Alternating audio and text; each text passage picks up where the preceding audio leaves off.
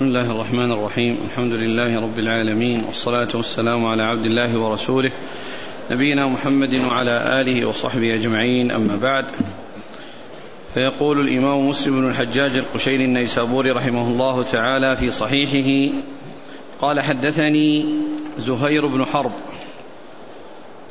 قال حدثنا عمر بن يونس الحنفي. قال حدثنا عكرمة بن عمار. قال حدثني أبو كثير. قال حدثني أبو هريرة رضي الله عنه أنه قال كنا قعودا حول رسول الله صلى الله عليه وسلم معنا أبو بكر وعمر رضي الله عنهما في نفر فقام رسول الله صلى الله عليه وسلم من بين أظهرنا فأبطى علينا وخشينا أن يقتطع دوننا وفزعنا فقمنا فكنت أول من فزع فخرجت أبتغي رسول الله صلى الله عليه وآله وسلم حتى أتيت حائطا للأنصار لبني النجار فدرت به هل أجد له بابا فلم أجد فإذا ربيع يدخل في جوف حائط في جوف حائط من بئر خارجة والربيع الجدول. فاحتفزت فدخلت على رسول الله صلى الله عليه وسلم.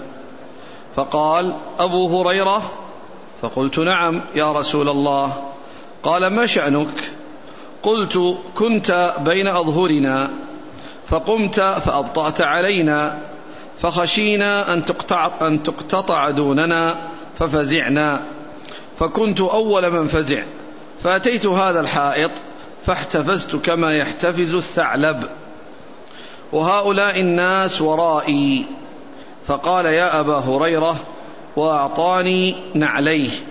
قال اذهب بنعلي هاتين فمن لقيت من وراء هذا الحائط يشهد أن لا إله إلا الله مستيقنا بها قلبه فبشره بالجنة. فكان أول من لقيت عمر. فقال ما هاتان النعلان يا أبا هريرة؟ فقلت هاتان نعلا رسول الله صلى الله عليه وسلم. بعثني بهما من لقيت يشهد أن لا إله إلا الله مستيقنا بها قلبه بشرته بالجنة. فضرب عمر بيده بين ثديي فخررت لأستي. فقال ارجع يا أبا هريرة. فرجعت إلى رسول الله صلى الله عليه وسلم فأجهشت بكاء. وركبني عمر. فإذا هو على أثري فقال رسول الله صلى الله عليه وسلم ما لك يا أبا هريرة؟ قلت لقيت عمر فأخبرته بالذي بعثتني به فضرب بين ثديي ضربة خررت لستي. قال ارجع. قال رسول الله صلى الله عليه وسلم يا عمر ما حملك على ما فعلت؟ قال يا رسول الله بأبي أنت وأمي أبعثت أبا هريرة بن عليك من لقي يشهد أن لا إله إلا الله مستيقنا بها قلبه بشره بالجنة؟ قال نعم. قال فلا تفعل فإني أخشى أن يتكل الناس عليها فخلهم يعملون. قال رسول الله صلى الله عليه وسلم فخلهم. بسم الله الرحمن الرحيم. الحمد لله رب العالمين وصلى الله وسلم وبارك على عبده ورسوله نبينا محمد وعلى آله وأصحابه أجمعين.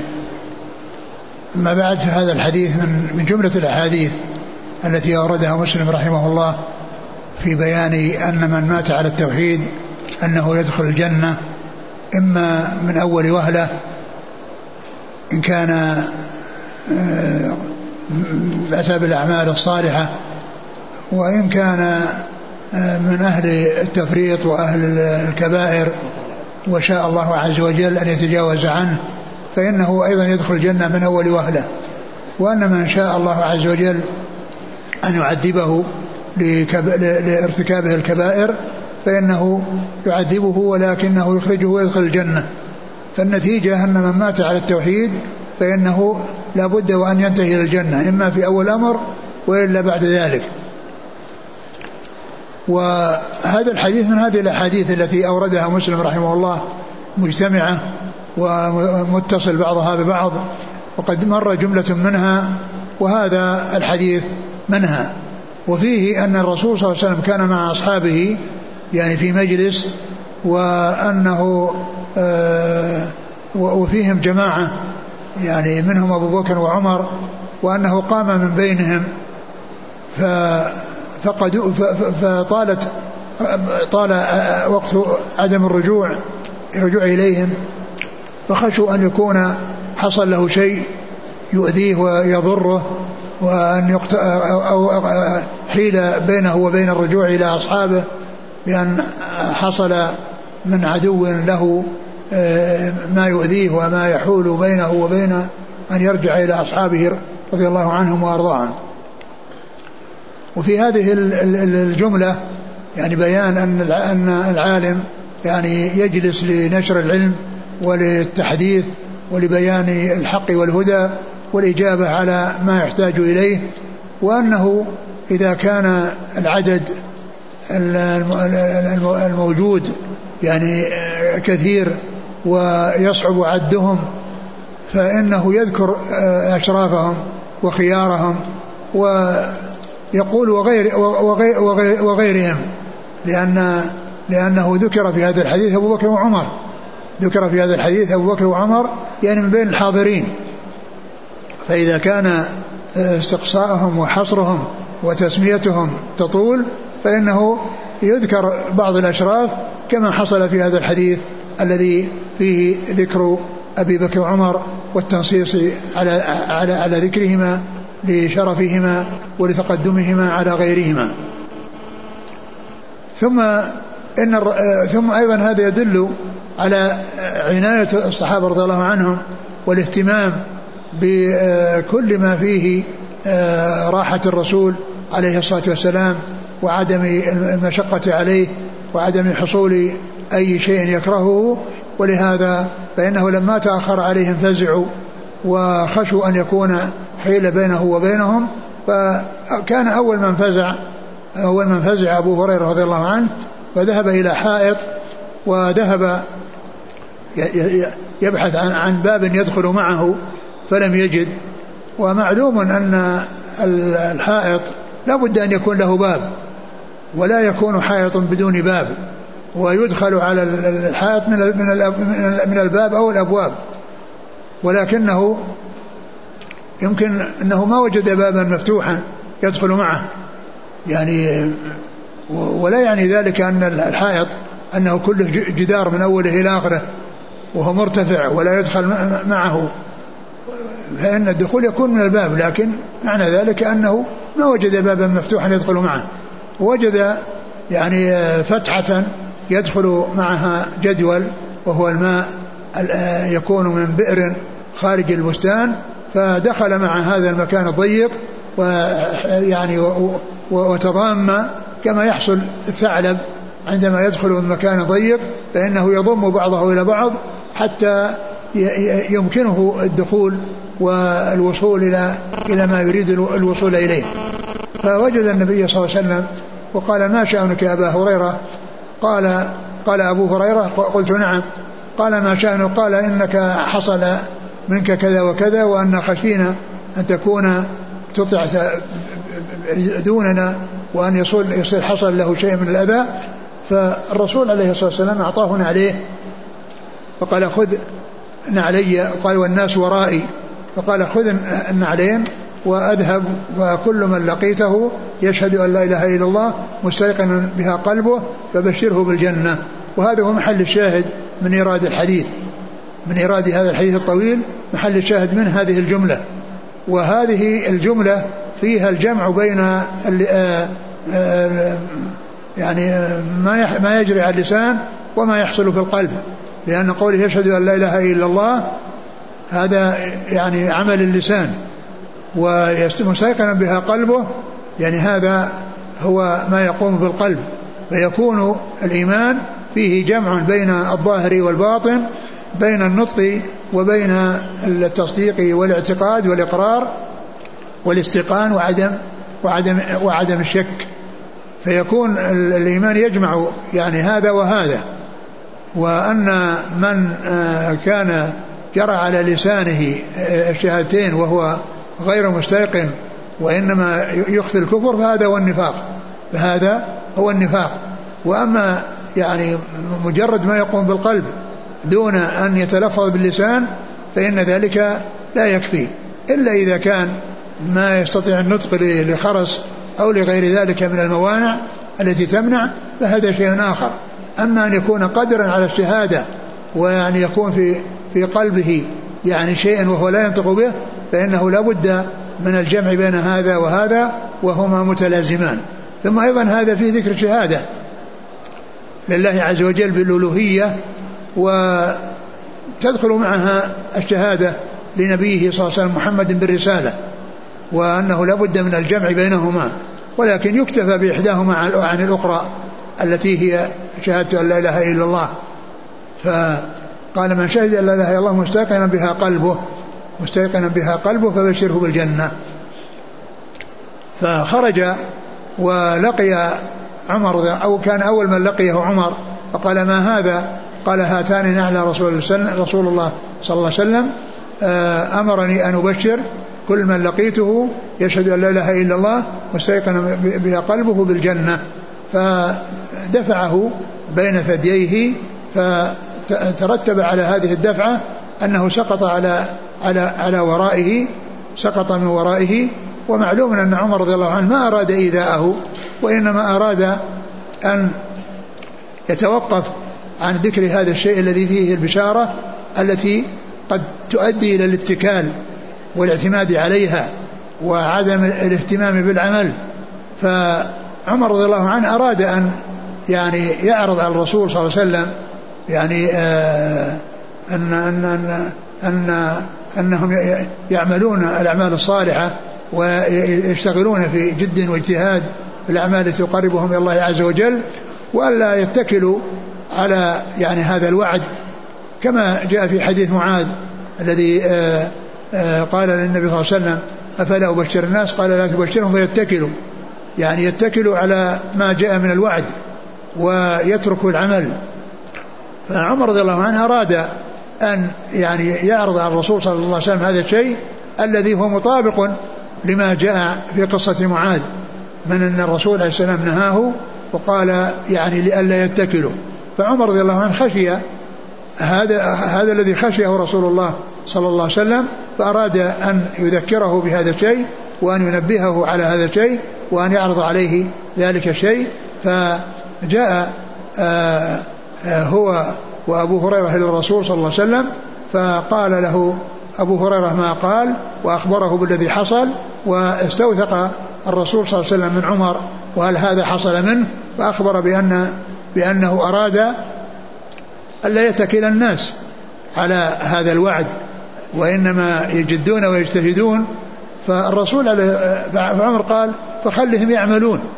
يعني آه، اتركهم يعملون الأعمال الصالحة التي توصلهم إلى الجنة التي توصلهم إلى الجنة وألا يعتمدوا ويتكلوا على هذا الوعد لمن حصلت منه هذه الكلمة.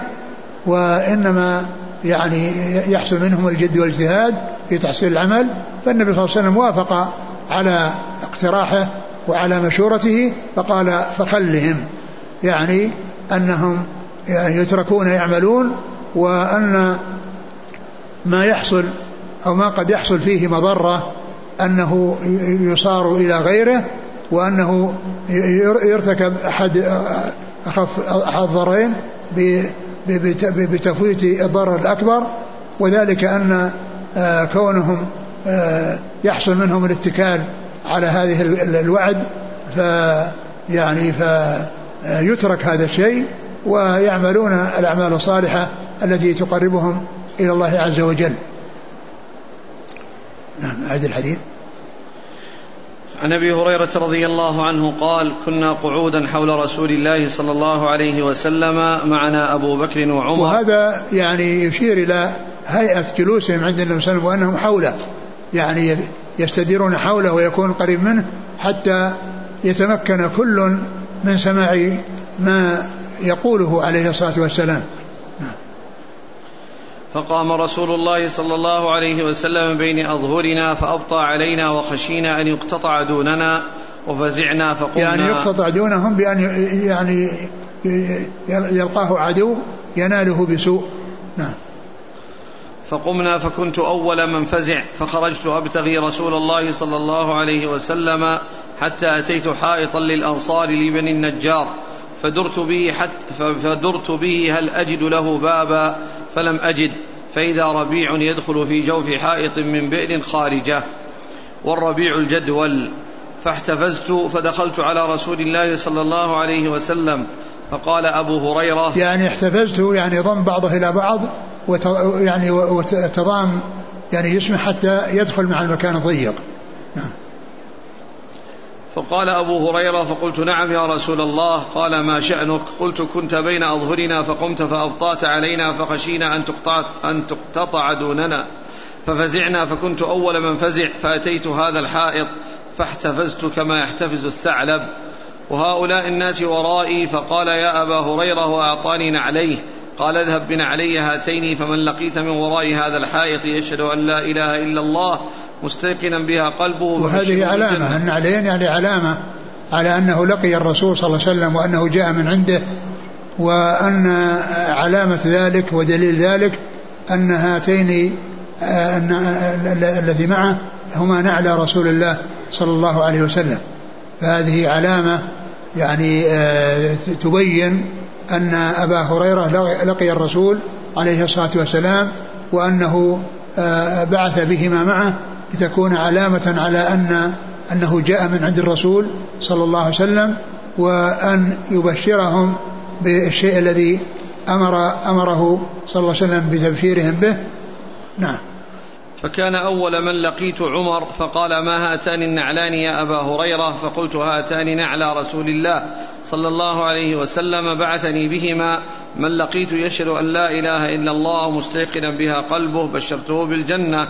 فضرب عمر بيده بين ثديي فخررت لستي فقال ارجع يا أبا هريرة. يعني ليس هذا الضرب المقصود به الإيذاء وإلحاق الضرر به وإنما أراد أن يوقفه من أن يبلغ هذا الشيء الذي يحصل به الاتكال فترتب على ذلك أن وقع على على ظهره وقع من ورائه على على دبره فلم يكن هذا من عمر إرادة للأذى وإنما هو إرادة كفه عن إبلاغ هذا الشيء حتى يصل إلى الرسول صلى الله عليه وسلم ويعرض عليه ذلك الرأي الذي رآه والذي وافقه عليه الرسول صلى الله عليه وسلم. وقد حصل مثل ذلك من رسول الله صلى الله عليه وسلم في قصة معاذ حيث قال لا تبشرهم فيتكلوا لما قال له ألا أبشر الناس؟ قال لا تبشرهم فيتكلوا. يعني يتكلوا على الوعد على الوعد ويتركوا العمل. نعم. فقال أبو هريرة فرجعت إلى رسول الله صلى الله عليه وسلم فأجهشت بكاء. وركبني عمر. يعني معناه أنه جاء وراءه. نعم. فإذا هو على أثري فقل فقال رسول الله صلى الله عليه وسلم ما لك يا أبا هريرة؟ قلت لقيت عمر فأخبرته بالذي بعثتني به فضرب بين ثديي ضربة خررت لستي. قال ارجع. قال رسول الله صلى الله عليه وسلم يا عمر ما حملك على ما فعلت؟ قال يا رسول الله بأبي أنت وأمي أبعثت أبا هريرة بن عليك. من لقي قوله بأبي وأمي هذه تفدية وليست حلف وإنما هي تفدية أنت مفدي بأبي وأمي. أنت مفدي بأبي وأمي. نعم. أبعثت أبا هريرة بن عليك من لقي يشهد أن لا إله إلا الله مستيقنا بها قلبه بشره بالجنة قال نعم قال فلا تفعل فإني أخشى أن يتكل الناس عليها فخلهم يعملون. قال صلى الله عليه وسلم فخلهم. قال حدثني زهير بن حرب نعم. عن عمر بن يونس الحنفي نعم. عن عكرمة بن عمار نعم. عن أبي كثير. وهو يزيد بن عبد الرحمن. عن أبي هريرة. نعم. قال حدثنا إسحاق بن منصور. قال أخبرنا معاذ بن هشام. قال حدثني أبي عن قتادة. قال حدثنا أنس بن مالك رضي الله عنه أن نبي الله صلى الله عليه وسلم ومعاذ بن جبل رديفه على الرحل. قال يا معاذ قال لبيك رسول رسول الله وسعديك. قال يا معاذ قال لبيك رسول الله وسعديك. قال يا معاذ قال لبيك رسول الله وسعديك. قال ما من عبد يشهد أن لا إله إلا الله وأن محمدا عبده ورسوله إلا حرم الله على النار. قال يا رسول الله أفلا أخبر بها؟ فيستبشروا. قال اذا يتكلوا. فأخبر بها معاذ عند موته تأثما. ثم ذكر هذا الحديث عن عن أنس عن معاذ رضي الله عنه أنه كان رديف النبي صلى الله عليه وسلم وأنه ناداه وكرر الندى وكل في كل مرة يقول لبيك يا رسول الله وسعديك. وهذا جواب حسن يجيب به من نودي يجيب به من نودي فيقول لمن ناداه لبيك وسعديك. ف آه، فلما كرر هذا الكلام وكان المقصود منه أن يتهيأ معاذ لاستيعاب ما يلقى عليه وحفظ ما يلقى عليه آه، أخبره الرسول عليه الصلاة والسلام بأن قال من؟ من؟ قال ما من عبد يشهد أن لا إله إلا الله وأن محمدا عبده ورسوله إلا حرم الله على النار. ما من عبد يشهد أن لا إله إلا الله وأن محمدا عبده ورسوله إلا حرمه الله على النار. يعني وجعله من أهل الجنة. وهذا التحريم إما أن يكون آه، حرمت عليه من البداية فلا يدخلها ويدخل الجنة من أول وهلة أو أنها حرم عليه يعني آه، حرم عليه آه، أن يعني يدخل النار من أول وهلة وإنما يدخل الجنة أو حرم عليه الخلود في النار وأنه يدخلها بعد يعني ما يدخلها ويعد فيها ولكنه لا يخلد فيها. لا يخلد فيها بل يخرج منها ويدخل الجنة. فهو إما أن تحرم عليه ابتداء أي النار ويدخل الجنة ابتداء أو أنه يدخل النار ولكنه لا يخلد فيها ومآله إلى الجنة. فإذا هذا مثل الحديث الذي قال إلا دخل الجنة وهنا قال إلا حرمه الله على النار. إلا حرمه على النار إما يعني ابتداء فلا يدخلها ويدخل الجنة أو حرم حرم عليه إذا دخلها أن يخلد فيها وأن يبقى فيها ولكنه يخرج منها ويدخل الجنة. قال حدثنا إسحاق بن منصور. لا كمل. هنا في أوله كأنه نص أنه في رحل. إيش؟ في أوله نص على الرحل. على؟ على الرحل. وش السؤال وش اللفظ؟ أن نبي الله صلى الله عليه وسلم ومعاذ بن جبل رديفه على الرحل. نعم. يعني هذا يدل على على الرحل وسبق أن مر بنا الحديث الذي فيه آه الذي آه الذي فيه أن أن ليس بيني وبينه إلا مؤخرة الرحل نعم ليس بيني إلا مؤخرة الرحل وحديث آخر أنه كان على حمار. نعم. يقال له عفير نعم. ومعلوم أن الحمار لا يكون عليه رحل والرحل إنما هو من خصائص البعير. و والقصة يعني حيث تكون واحدة فإن المعتبر أن يكون على حمار وأما ذكر الرحل يعني فهو تمثيل وتقريب وأنه ليس بينه وبينه إلا مثل إلا مثل مؤخرة الرحل نعم. قال يا معاذ قال لبيك رسول الله وسعديك. قال يا معاذ قال لبيك رسول الله وسعديك. قال ما من عبد يشهد أن لا إله إلا الله وأن محمدا عبده ورسوله إلا حرم الله على النار. قال يا رسول الله أفلا أخبر بها؟ فيستبشروا. قال إذا يتكلوا. فأخبر بها معاذ عند موته تأثما. أخبر بها معاذ عند موته تأثما. الرسول قال لما قال له إذا يتكلوا يعني امتنع من أن يحدث. ولكنه لما يعني قربت نهايته أراد أن يبين ما عنده آه، من رسول الله صلى الله عليه وسلم وألا يموت دون أن يبلغه ولكنه بلغه للخواص ولم يبلغه على سبيل العموم. والمحذور أن يبلغ على سبيل العموم فيترتب على ذلك المضرة. لكنه لما آه قربت منيته وقربت وفاته أراد أن لا يخرج من الدنيا إلا وقد بلغ ما أرشد إليه الرسول صلى الله عليه وسلم. فيكون هذا الإرشاد إنما هو للعلم به عند بعض الناس الذين لا يخشى عليهم أن يحصل منهم الاتكال. فيكون بذلك امتثل أمر الرسول صلى الله عليه وسلم فلم يبلغه للعموم ولكنه تحرج أن تنتهي أن يخرج من الدنيا دون أن يبلغ هذا العلم الذي أخذه عن رسول الله صلى الله عليه وسلم. وعلى هذا فإن قوله تأثما خوفا من الإثم في كتم العلم الذي علمه من رسول الله صلى الله عليه وسلم. قال حدثنا إسحاق بن منصور نعم. عن معاذ بن هشام نعم. عن أبيه نعم. عن قتادة عن أنس بن مالك. نعم. وقتادة من صغار التابعين وأنس من صغار الصحابة. ففي رواية تابعي صغير عن صحابي صغير. ممكن أن يقال أن هذه الحادثة بعد الحادثة الأولى يمكن. أقول يمكن لأن لأن الحادثة الأولى فيها سؤال عن شيئين لكنها بس متفقة مع الأولى في كونه قال لا تبشرهم فيتكلوا. لأن المقصود بها ما جاء في آخره حق الله إذا أدوا حقها لا يعذبهم. يعني لا يعذبهم يعني معناه يدخلهم الجنة. فهي متفقة معها بالنسبة لكونه قال لا تبشرهم فيتكلوا.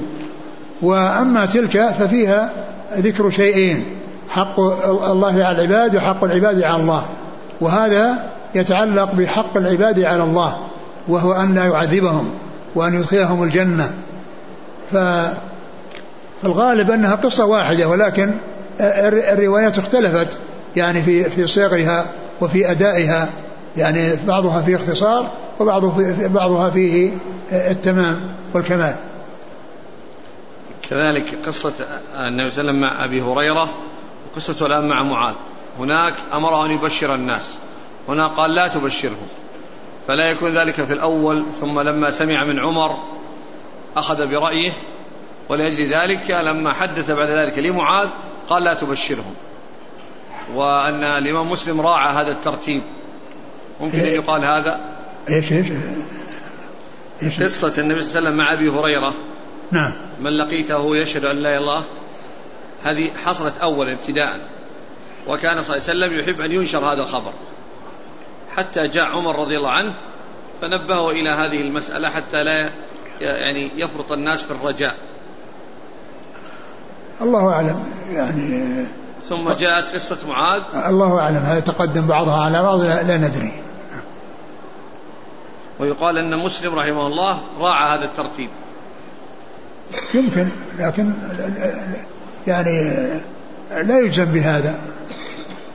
نعم مسلم رحمه الله كان من عادته أنه يذكر يعني الشيء المتأخر والمتقدم يذكره أولا ولهذا لما جاء عند الوضوء مما مست النار الأحاديث الوضوء قدم الأحاديث الذي فيها آه، آه، آه، الوضوء مما مست النار.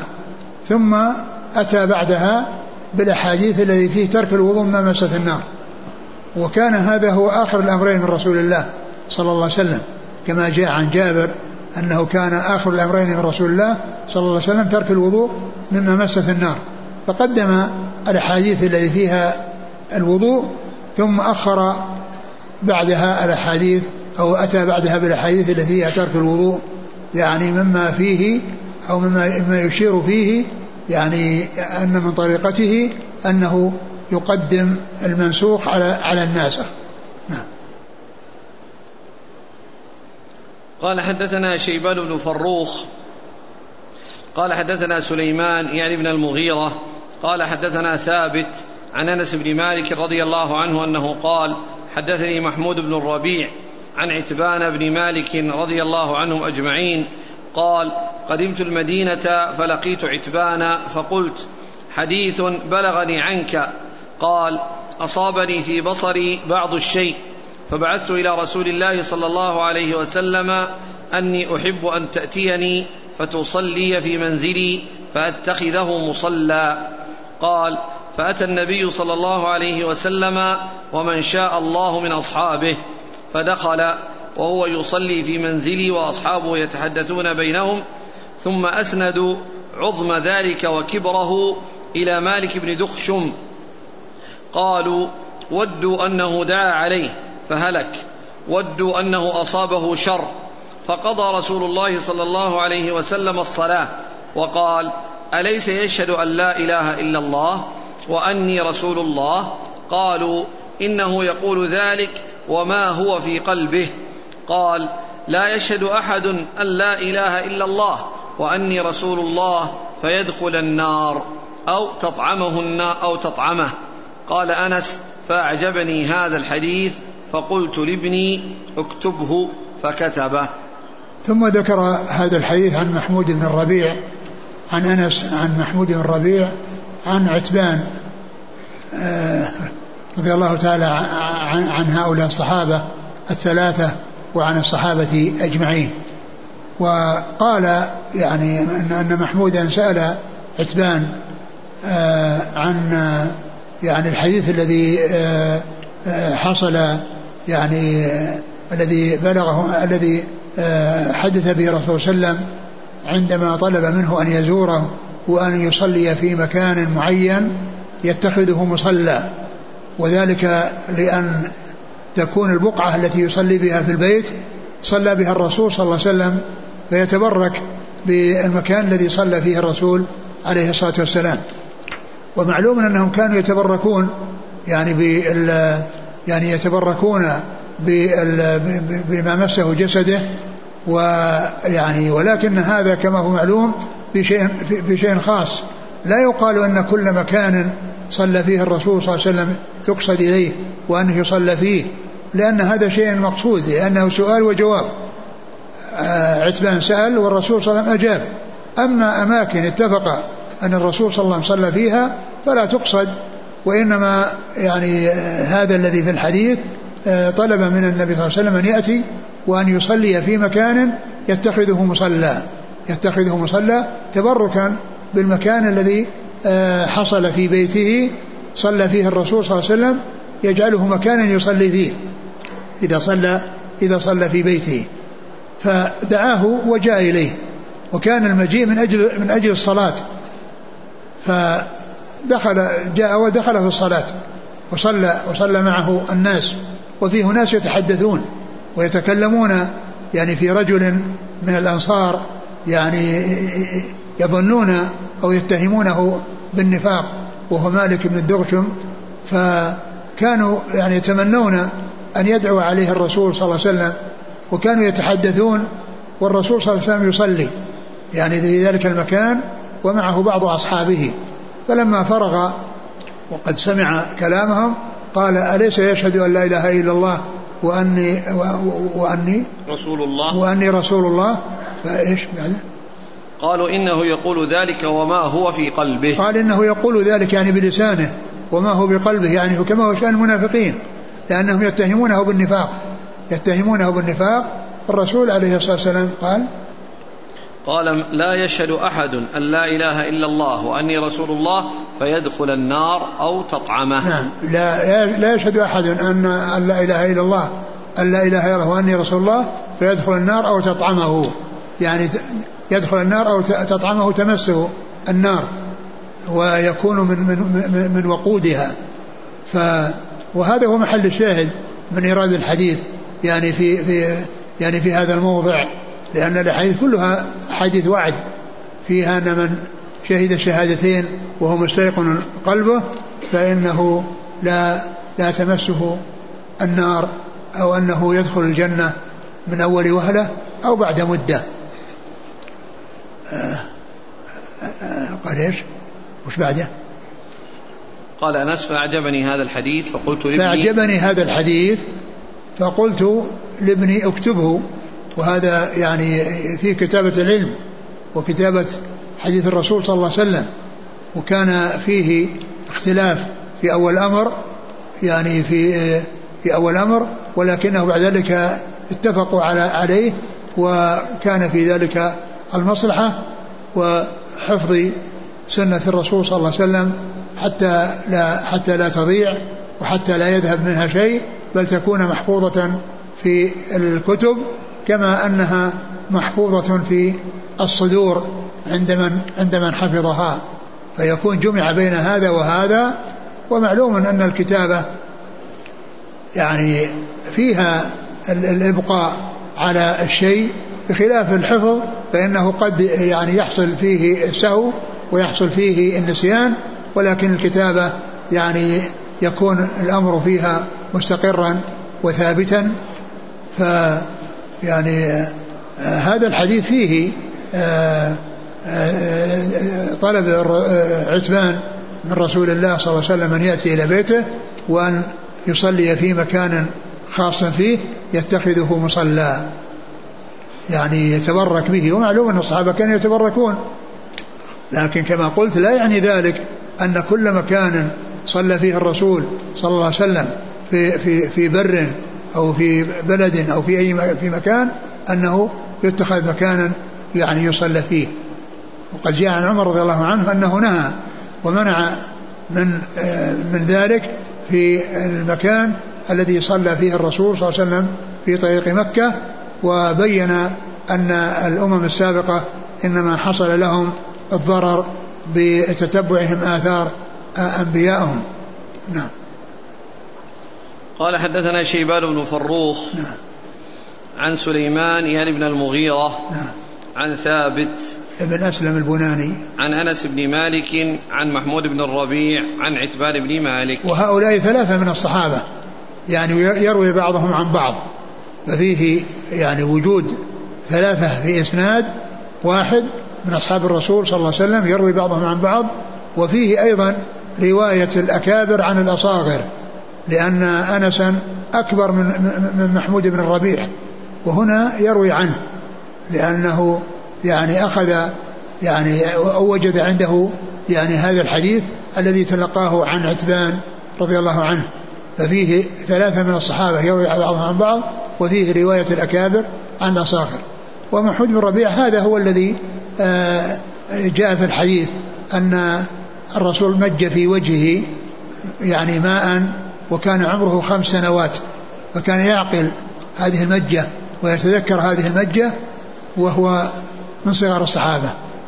وأنس بن مالك أكبر منه لأن أنس بن مالك كان كثير الحديث عن رسول الله صلى الله عليه وسلم وإن كان هو من صغارهم كما أن ابن عباس من صغارهم وابن عمر من صغارهم ومع ذلك هم مكثرون من رواية الحديث عن رسول الله صلى الله عليه وسلم. فأنس عنده الأحاديث الكثيرة ومحمود بن الربيع إنما يروي عن الصحابة إنما روايته عن عن الصحابة. نعم. قال حدثني أبو بكر بن نافع العبدي قال حدثنا بهز قال حدثنا حماد قال حدثنا ثابت عن أنس رضي الله عنه قال حدثني عتبان بن مالك أنه عمي فأرسل إلى رسول الله صلى الله عليه وسلم فقال تعالى فخط لي مسجدا. فجاء رسول الله صلى الله عليه وآله وسلم وجاء قومه ونعت رجل منهم يقال له مالك بن الدخشم. ثم ذكر نحو حديث سليمان بن المغيرة. نعم ثم ذكر هذا الحديث وهو, وهو مثل الذي قبله وهو مثل الذي قبله وأنهم كانوا يتكلمون في رجل منهم وهو مالك بن الدغشم و والرسول عليه الصلاة والسلام يعني برأه مما اتهموه به ومما قالوه به وقد قيل إنه ممن شهد بدرا. نعم. قال حدثني أبو بكر بن نافع العبدي نعم. عن بهز بن أسد. عن حماد. حماد بن زيد مرة؟ عن حماد عن ثابت. نعم حماد حماد بن سلمة. نعم. عن ثابت. نعم. عن أنس. عن عتبان بن مالك. نعم. هنا بدون محمود. نعم. قال إيش عن أنس؟ عن عتبان؟ عن أنس نعم. قال حدثني عتبان بن مالك نعم يمكن يعني يمكن أنه آه سمعه اولا نازلا ثم سمعه عاليا وحدث به على الوجهين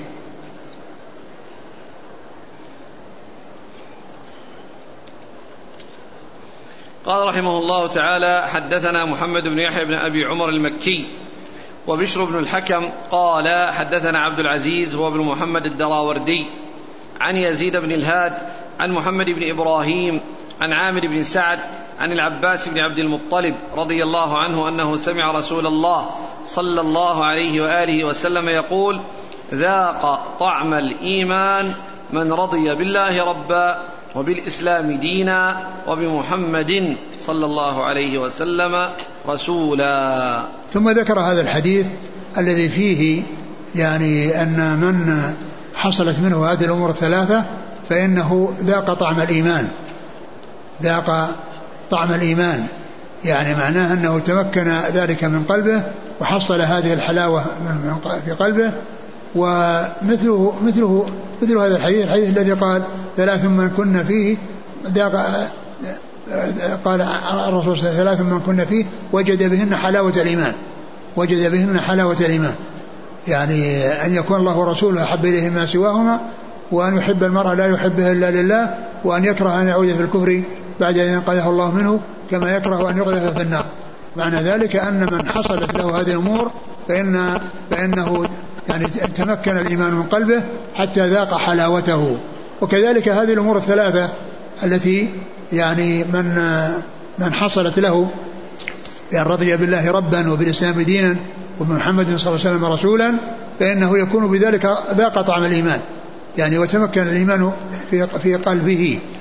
وهذه الأمور الثلاثة التي جاءت في هذا الحديث هي هي هي الأمور الثلاثة التي بنى عليها الشيخ محمد بن عبد الوهاب رحمه الله كتابه الأصول الثلاثة وأدلتها. وهذه الثلاثة هي التي يسأل عنها في القبر. هذه الأمور الثلاثة التي جاءت في هذا الحديث والتي يعني بنى عليها الشيخ محمد بن عبد الوهاب رحمه الله كتابه أصول الثلاثة يعني آآ آآ هي هي التي يسأل عنها في القبر.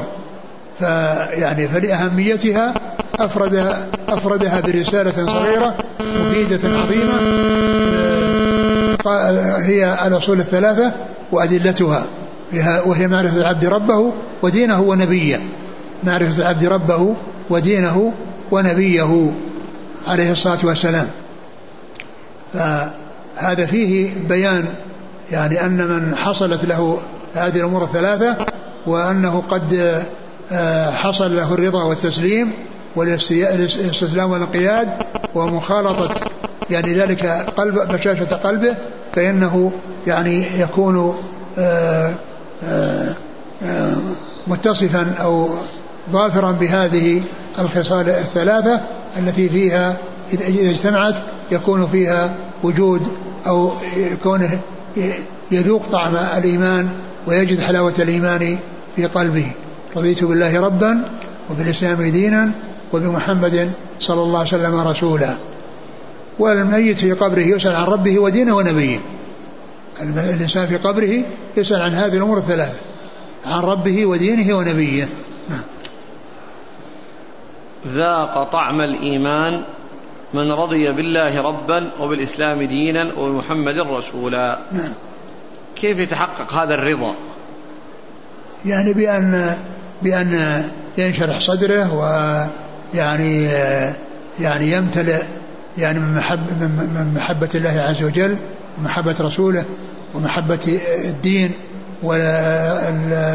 والقيام به والاستسلام والانقياد. لما فيه مما يتعلق بالاعتقادات وما يتعلق بالأقوال وما يتعلق بالأفعال. طعم حقيقي؟ لا شك إنه يعني بالنسبة ل يعني هنا يعني تشبيه المعاني بالمحسوسات لأن المحسوسات معروف ان, أن الإنسان إذا ذاق شيئا حلوا يجد ذلك يعني في يعني في في في فمه وأما هذا فإنه يجد هذه الحلاوة في قلبه. نعم. قال حدثنا محمد بن يحيى بن أبي عمر المكي. نعم. وبشر بن الحكم. نعم. عن عبد العزيز هو ابن محمد الدراوردي. نعم. عن يزيد بن الهاد. نعم. عن محمد بن إبراهيم. نعم. عن عامر بن سعد. عن العباس بن عبد المطلب. كم الرجال؟ يحيى مع بشر. هذه طبقة واحدة. عن عبد العزيز الدراوردي عن يزيد بن الهاد عن محمد بن إبراهيم عن عامر بن سعد عن العباس. يعني ستة. إسناد سداسي. قال رحمه الله تعالى حدثنا عبيد الله بن سعيد وعبد بن حميد. قال حدثنا أبو عامر العقدي قال حدثنا سليمان بن بلال عن عبد الله بن دينار عن أبي صالح عن أبي هريرة رضي الله عنه عن النبي صلى الله عليه وسلم أنه قال الإيمان بضع وسبعون شعبة والحياء شعبة من الإيمان. نعم. قال حدثنا زهير بن حرب قال حدثنا جرير عن سهيل عن عبد الله بن دينار عن أبي صالح عن أبي هريرة رضي الله عنه أنه قال قال رسول الله صلى الله عليه وسلم الإيمان بضع وسبعون أو بضع وستون شعبة فأفضلها قول لا إله إلا الله وأدناها إماطة الأذى عن الطريق والحياء شعبة من الإيمان. ثم ذكر هذا هذه الأحاديث المتعلقة بشعب الإيمان. وشعب الإيمان هي أعماله التي آه، يعني آه، على الإنسان أن يأتي بها و يعني و آه، ويحرص على معرفتها والإتيان بها ولكنها كما هو معلوم ليس بلازم أن الإنسان يعرفها كلها أو يستقصيها وإنما ليس ذلك لازما باستقصائها ومعرفتها ولكن الإنسان كلما وجد يعني شيئا من النصوص التي فيها ذكر آه، أعمال شيء من أعمال الإيمان وشيء من شعب الإيمان فإنه يأتي بها ويحرص على أن يأتي بها, يأتي بها. لكن ليس بلازم أن يستقصيها وأن يحيط بها علما من أولها إلى آخرها. ولو حصل ذلك لبعض الناس لا يتيسر ذلك لكثير من الناس. ولو حصل ذلك لبعض الناس بأن عمل على حصرها وجمعها واستقصائها كما نقل عن ابن حبان أو كما جاء عن أبو عن أبي حاتم بن حبان فإن آه، فإن ذلك لا يعني يتأتى لكل أحد. ولكن الإنسان كلما مر به أو كلما علم خصلة من خصال الخير وعملا من أعمال من من الأعمال التي يعني الأعمال الصالحة فإنه فإنه يأتي بها وكلها من من خصال الإيمان. وقد ذكر النبي صلى الله عليه وسلم في هذا الحديث أمور ثلاثة. قال أعلاها قول لا إله إلا الله.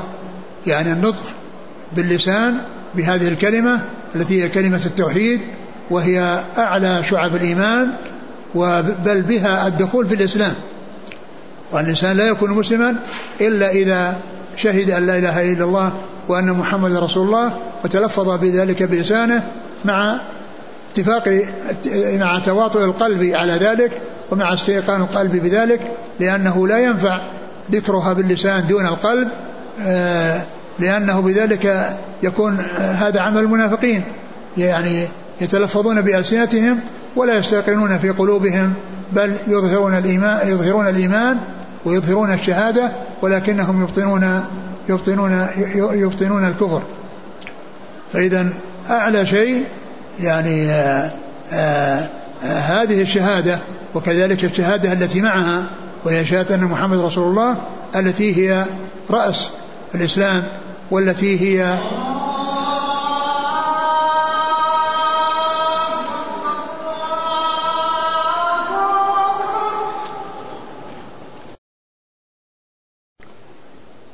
في هذا الحديث الجمع بين ثلاثة بين ثلاثة من من من من, من أو ثلاث من شعب الإيمان وهو أعلاها وأدناها وشيء آخر يعني يكون عاما مشتملا على أمور كثيرة.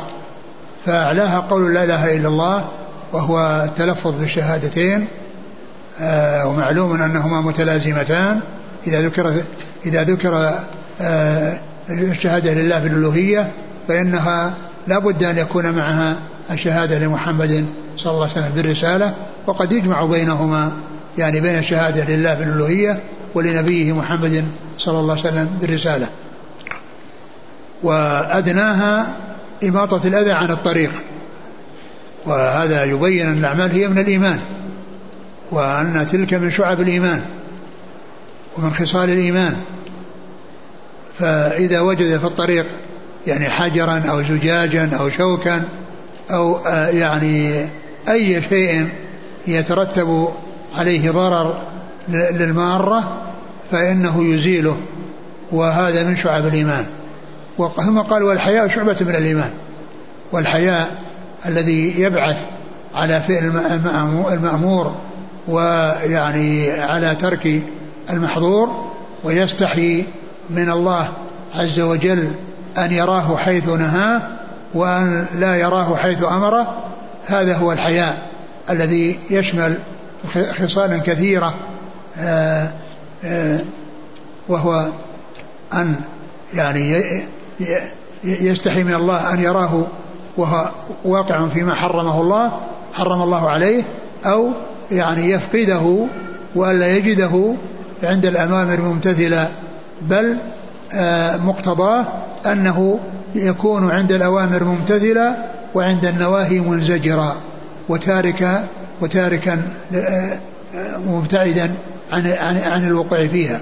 قال والحياء شعبة من الإيمان وهو شعبة مشتملة على خصال كثيرة وتؤدي إلى يعني منافع عظيمة هي آه، ترك المحظورات وفعل المأمورات. نعم. الإيمان بضع بضع يعني هو ما دون العشرة أو ما دون التسعة. وسبعون. نعم سبعون أو يعني هو ستون. يعني جاء يعني في بعض الروايات ستون وفي بعضها يعني يعني سبعون أي بضع وستون بضع وسبعون. وجاء يعني في بعض الأحاديث شك يعني بضع وستون أو بضع وسبعون. نعم قول وعمل وخلق قلبي. نعم. قول. نعم وخلق قلبي لكنه يعني يؤدي إلى الأعمال. نعم. قال حدثنا عبيد الله بن سعيد وعبد بن حميد عن أبي عامر العقدي. هو عبد الملك بن عمرو عن سليمان بن بلال عن عبد الله بن دينار عن أبي صالح عن أبي هريرة. أبو صالح ذكوان السمان. قال حدثنا زهير بن حرب عن جرير بن عبد الحميد. عن سهيل. بن أبي صالح. عن عبد الله بن دينار عن أبي صالح عن أبي هريرة. نعم. العادة سهيل يعني عن هنا أبيه يروي هنا عن أبيه بواسطة. يعني هو كثير رواياته عن أبيه. سهيل بن صالح عن أبيه. ولكنه هنا يروي عن عبد الله بن دينار عن أبيه. قال حدثنا أبو بكر بن أبي شيبة وعمر الناقد وزهير بن حرب قالوا حدثنا سفيان بن عيينة عن الزهري عن سالم عن أبيه أنه سمع النبي صلى الله عليه وسلم قال حدثنا أبو بكر بن أبي شيبة وعمر الناقد وزهير بن حرب قالوا حدثنا سفيان بن عيينة عن الزهري عن سالم عن أبيه أنه سمع النبي أنه سمع قال سمع النبي صلى الله عليه وسلم رجلا يعظ أخاه في الحياء فقال الحياء من الإيمان. نعم. قال حدثنا عبد بن حميد قال حدثنا عبد الرزاق قال أخبرنا معمر عن الزهري بهذا الإسناد وقال مر برجل من الأنصار يعظ أخاه. نعم. قال حدثنا محمد بن المثنى ومحمد بن بشار واللفظ لابن المثنى قال حدثنا محمد بن جعفر قال حدثنا شعبة عن قتادة قال سمعت أبا السوار يحدث أنه سمع عمران بن حسين رضي الله عنهما يحدث ذكر في الحديث السابق يعني أن رجلا من الأنصار يعظ أخاه في الحياء فقال الحياء من الإيمان الحياء من الإيمان. يعني أن اتصاف الإنسان بالحياء والذي يشمل خصالا كثيرة ويدفع إلى يعني فعل الطاعات وإلى ترك المعاصي أن هذا من الإيمان بل هو من أهم شعب الإيمان لاشتماله على الإتيان أو آه، الحث على الإتيان بكل ما هو مأمور والانزجار عن كل ما هو محظور قال عليه الصلاة والسلام الحياء من الإيمان. قال حدثنا أبو بكر بن أبي شيبة وعمر الناقد وزهير بن حرب. نعم. عن سفيان بن عيينة عن الزهري عن سالم عن أبيه. أبيه عبد الله بن عمر رضي الله عنهما. قال حدثنا عبد بن حميد عن عبد الرزاق عن معمر عن الزهري بهذا الإسناد. نعم. يأتي حديث عمران. والله تعالى أعلم وصلى الله وسلم وبارك على عبده ورسوله نبينا محمد وعلى آله وأصحابه أجمعين. جزاكم الله خيرا وبارك الله فيكم. ألهمكم الله الصواب ووفقكم للحق شافاكم الله وعافاكم ونفعنا الله بما سمعنا غفر الله لنا ولكم وللمسلمين أجمعين. آمين. يقول ورد في الحديث الصحيح أن النبي صلى الله عليه وسلم لم يرخص للأعمى في التخلف عن الجماعة فكيف رخص العتبان بالصلاة في بيته؟ آه كأن المعنى والله أعلم أنه إذا إذا تأخر عن الصلاة أو لم يتمكن من الذهاب إلى أن يصلي مع الجماعة أنه يصلي في هذا المكان. لأن المقصود من هذا ليس معنى ذلك أنه يترك الذهاب للمسجد وإنما أراد أن يكون له مكان في البيت صلى فيه الرسول صلى الله عليه وسلم يتخذه مصلى يعني سواء آه، الفرض إذا فاته أو للنفل. ومعلوم أن أفضل صلاة الرجل في بيته أفضل إلا المكتوبة. فيعني يستعمله في النوافل ويستعمله في الفرائض إذا يعني آه، إذا إذا لم يحصل منه أنه ذهب إلى المسجد. يقول بعض الناس إذا أماط الأذى عن الطريق يجمع معها قول لا إله إلا الله فيقول أنا أجمع بين أعلى شعب الإيمان وأدناها. ما رأيكم بهذا العمل؟ والله ما, ما, ما أعلم يعني وجه لالتزام هذا وتخصيصه وإنما يعني هذه خصلة من أعلى خصال الخير وهذه أدنى أدنى خصال الخير. فالتزامه واعتبار أن هذا يعني شرع وأن هذا سنة لا أعلم شيئا يدل عليه. لكن إذا إذا أتى به لا بأس بذلك إن شاء الله. كون الإنسان يذكر الله دائما ويصلي على النبي صلى الله عليه وسلم دائما هذا شيء طيب. لكن ما أعلم شيء يدل على أنه يجمع بينهما وأن وأن هذا من من السنن لأنه لو كان ذلك لأرشد إليه الرسول عليه الصلاة والسلام. جزاكم الله خيرا. سبحانك الله وبحمدك نشهد أن لا إله إلا أنت نستغفرك ونتوب إليك.